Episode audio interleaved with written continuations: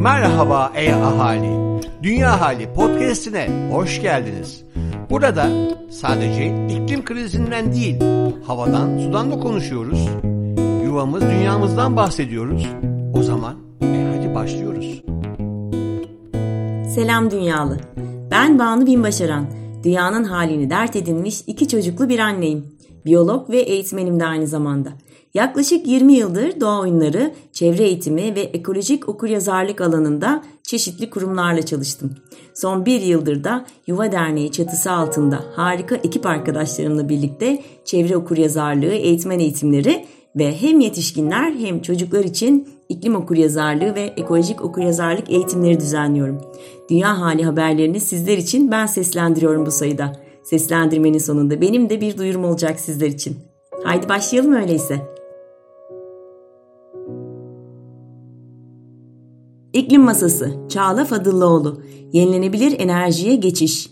Birleşmiş Milletler Genel Sekreteri Antonio Guterres Dünya Meteoroloji Organizasyonu'nun 2021 yılında küresel iklimin durumunu ortaya koyan raporunun lansmanında küresel olarak yenilenebilir enerjiye geçişi hızlandırmak için 5 maddelik bir plan açıkladı. Rüzgar ve güneş gibi yenilenebilir enerji teknolojilerinin hem kullanıma hazır hem de kömür ve diğer fosil yakıtlardan daha ucuz olduğunu vurgulayan Guterres'in açıkladığı 5 maddelik planın ana başlıkları şöyle yenilenebilir enerji teknolojilerini küresel kamu malları olarak ele almak, yenilenebilir enerji teknolojileri için gereken tedarik bileşenlerini ve ham maddeleri güvenceye almak, büyütmek ve çeşitlendirmek, fosil yakıt bürokrasilerinde reform yapmak, fosil yakıt sübvansiyonlarına son vermek, yenilenebilir enerjide özel ve kamu yatırımları yapmak. Detaylar için dergiyi ziyaret edebilirsiniz. İklim değişikliği ve Hindistan ve Pakistan'da görülen sıcak hava dalgası bir diğer haberimiz. Geçtiğimiz haftalarda daha yaz ayı bile gelmeden Hindistan ve Pakistan'da etkili olan sıcak hava dalgası yüz milyonlarca insanı etkiledi. Bazı bölgelerde mevsim normallerinin 8 derece üstüne çıkan sıcaklıklar 50 dereceye kadar ulaştı. Yeni yapılan bilimsel bir çalışmaya göre Hindistan ve Pakistan'ın büyük bölgelerini etkisi altına alan aşırı sıcaklıkların görülme olasılığı iklim değişikliği nedeniyle 30 katına çıkmış durumda. Nüfusun çok yoğun olduğu Hindistan ve Pakistan'da sıcak hava dalgaları gittikçe daha erkenden görülmeye başlayacak. Daha uzun süreli ve daha şiddetli olacak. Uzun bir soğuk hava döneminin sonunda iple çektiğimiz yaza hazır mıyız gerçekten?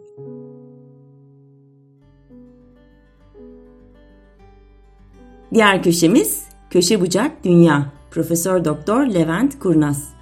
İş dünyasında çoğu çevresel düşünce iyi niyetli bir yaklaşımdan doğuyor. Ancak zamanla bu düşünce sistemin içine girmeye başladığında iş dünyasının dinamikleri içerisinde garip bir düşünce sistemine evriliyor. Sürdürülebilirlik raporları ve ESG yani çevresel sosyal yönetişim metrikleri bu iyi niyetli başlayan düşüncenin bugün ulaştığı garip noktaların en önemli temsilcileri. Yapılan işin temelinde sürdürülebilir kaynak kullanımı olmadığı müddetçe o alanı sürdürülebilir olarak nitelememiz mümkün değil. Bunun en başta gelen örneği fosil yakıt şirketleridir. Öncelikle sürdürülebilirliğin temelinde bulunan yapılan işin sürdürülmesi mümkün değil. Çünkü kısıtlı bir kaynağı tüketmek üzere yapılan bir işten bahsediyoruz. ESG derecelendirmeleri yalnızca bir şirketin karlılığı üzerinde mevcut veya potansiyel bir etkisi varsa kirlilik veya çalışan ilişkileri gibi sosyal faktörleri dikkate alır. Nehirlere düzensiz atık deşarjı gibi olumsuz çevresel uygulamalar şirkete herhangi bir maddi maliyet yaratmazsa ESG puanlarını düşürmez. Benzer şekilde çalışanlar arasındaki ödeme eşitliği gibi olumlu uygulamalar kuruma ek kar getireceğine dair bir kanıt yoksa puanları yükseltmez. İyi bir ESG puanı bir şirketin sosyal ve çevresel değer üretmesi değil, sosyal ve çevresel riskleri karlılığı açısından etkin bir şekilde yönetmesi anlamına gelir. Örneğin bir petrol şirketi ürünleri uzun vadede müşterilerini öldürebilecek olsa bile çevre düzenlemesi veya ücret eşitliği gibi konularda iyi performans göstererek oldukça iyi bir ESG puanı alabilir. Milton Friedman bir şirketin tek sosyal sorumluluğunun karını artırmak olduğu görüşünü benimsemişti. Sürdürülebilirlik raporları ve ESG derecelendirmeleri bunun 21. yüzyıldaki bir güncellemesinden başka bir şey değildir. Bu konuyu gündeme taşıyan en önemli olay S&P'nin Tesla'yı ESG endeksinden çıkartmasıydı. Tesla'yı endeksten çıkartma kararı çevresel ve sosyal risklerin ölçümüne değil, sadece bu sosyal risklerin finansal sonuçlarına dayanıyordu. Elon Musk'ın da dediği gibi sera gazı salımlarını önemli oranda azaltacak bir teknolojiyi üreten ve pazara süren Tesla gibi bir şirket endeksten çıkartılırken en tepe 10 şirketten birinin dünyanın en büyük petrol şirketlerinden biri olan ExxonMobil olması bu metriklerin ne derece yanlış çalıştığının bir göstergesidir.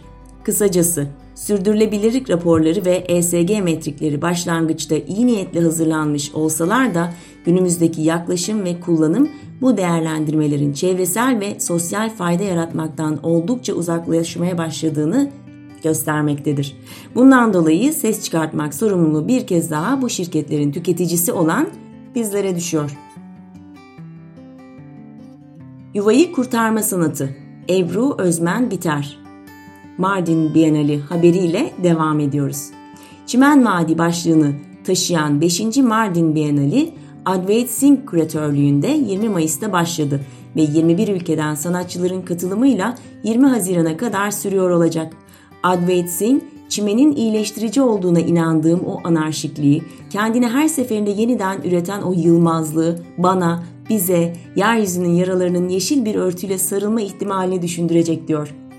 Bienal, Mardin'in benzersiz tarihsel mimarisi ve Mardin halkının gündelik hayatıyla kaynaşan mekanlarında gerçekleşiyor. Sanat yoluyla Mardin coğrafyasını sanatçılar, akademisyenler, öğrenciler ve farklı kültür topluluklarıyla hareketlendirmek, yeni paylaşım ortamları yaratmak amaçlanıyor. Yuvam Dünya Derneği olarak biz de 10 Haziran'da 5. Ulusal Mardin Bienali'ndeyiz. Detayları sosyal medyamızdan paylaşıyor olacağız. Yuvam Dünyalar ne yapıyor? Köşesiyle devam ediyoruz. Özgül Öztürk hazırlamış, takip ediyoruz diyor. 12. Yeşil Ekonomi Konferansı 12. Yeşil Ekonomi Konferansı zor zamanlarda adil dönüşümün bugünü ve geleceği temasıyla 10 Haziran 2022 Cuma günü 13-17 saatlerinde gerçekleştirilecek. 2009'dan bu yana süre gelen konferansta geçtiğimiz senelerde adil dönüşümün tanımı, içeriği ve kapsamı doğrultusunda webinarlar düzenlenmiş ve ana temayı oluşturmuştur. Bu yıl ana tema kapsamında ise yaşadığımız zor zamanlar içerisinde adil dönüşüm çalışmalarının tutarlı bir şekilde ilerlemesinin mümkün olup olmadığı tartışılacak. Detaylar için yine dergiyi ziyaret edebilirsiniz. Son olarak da İstanbul'da her yıl düzenli olarak gerçekleştirilen Kadıköy Çevre Festivali'nin bugün başladığı haberini vermek isterim. Çevre alanında emek veren pek çok sivil toplum kurum ve kuruluşların yer alacağı bu festival 3 gün boyunca 3-5 Haziran tarihlerinde zengin içeriğiyle ziyaretçileri karşılayacak.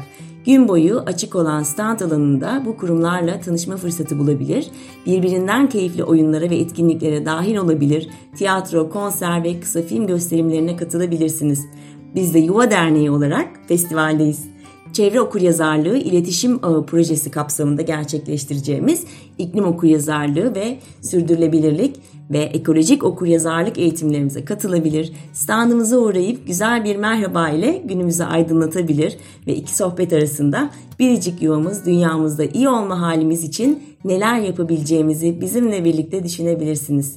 Festivalle ilgili detaylı bilgiye cevrefestivali.kadiköy.bel.tr adresinden ulaşabilirsiniz. Hepinizi bekliyoruz. Görüşmek üzere.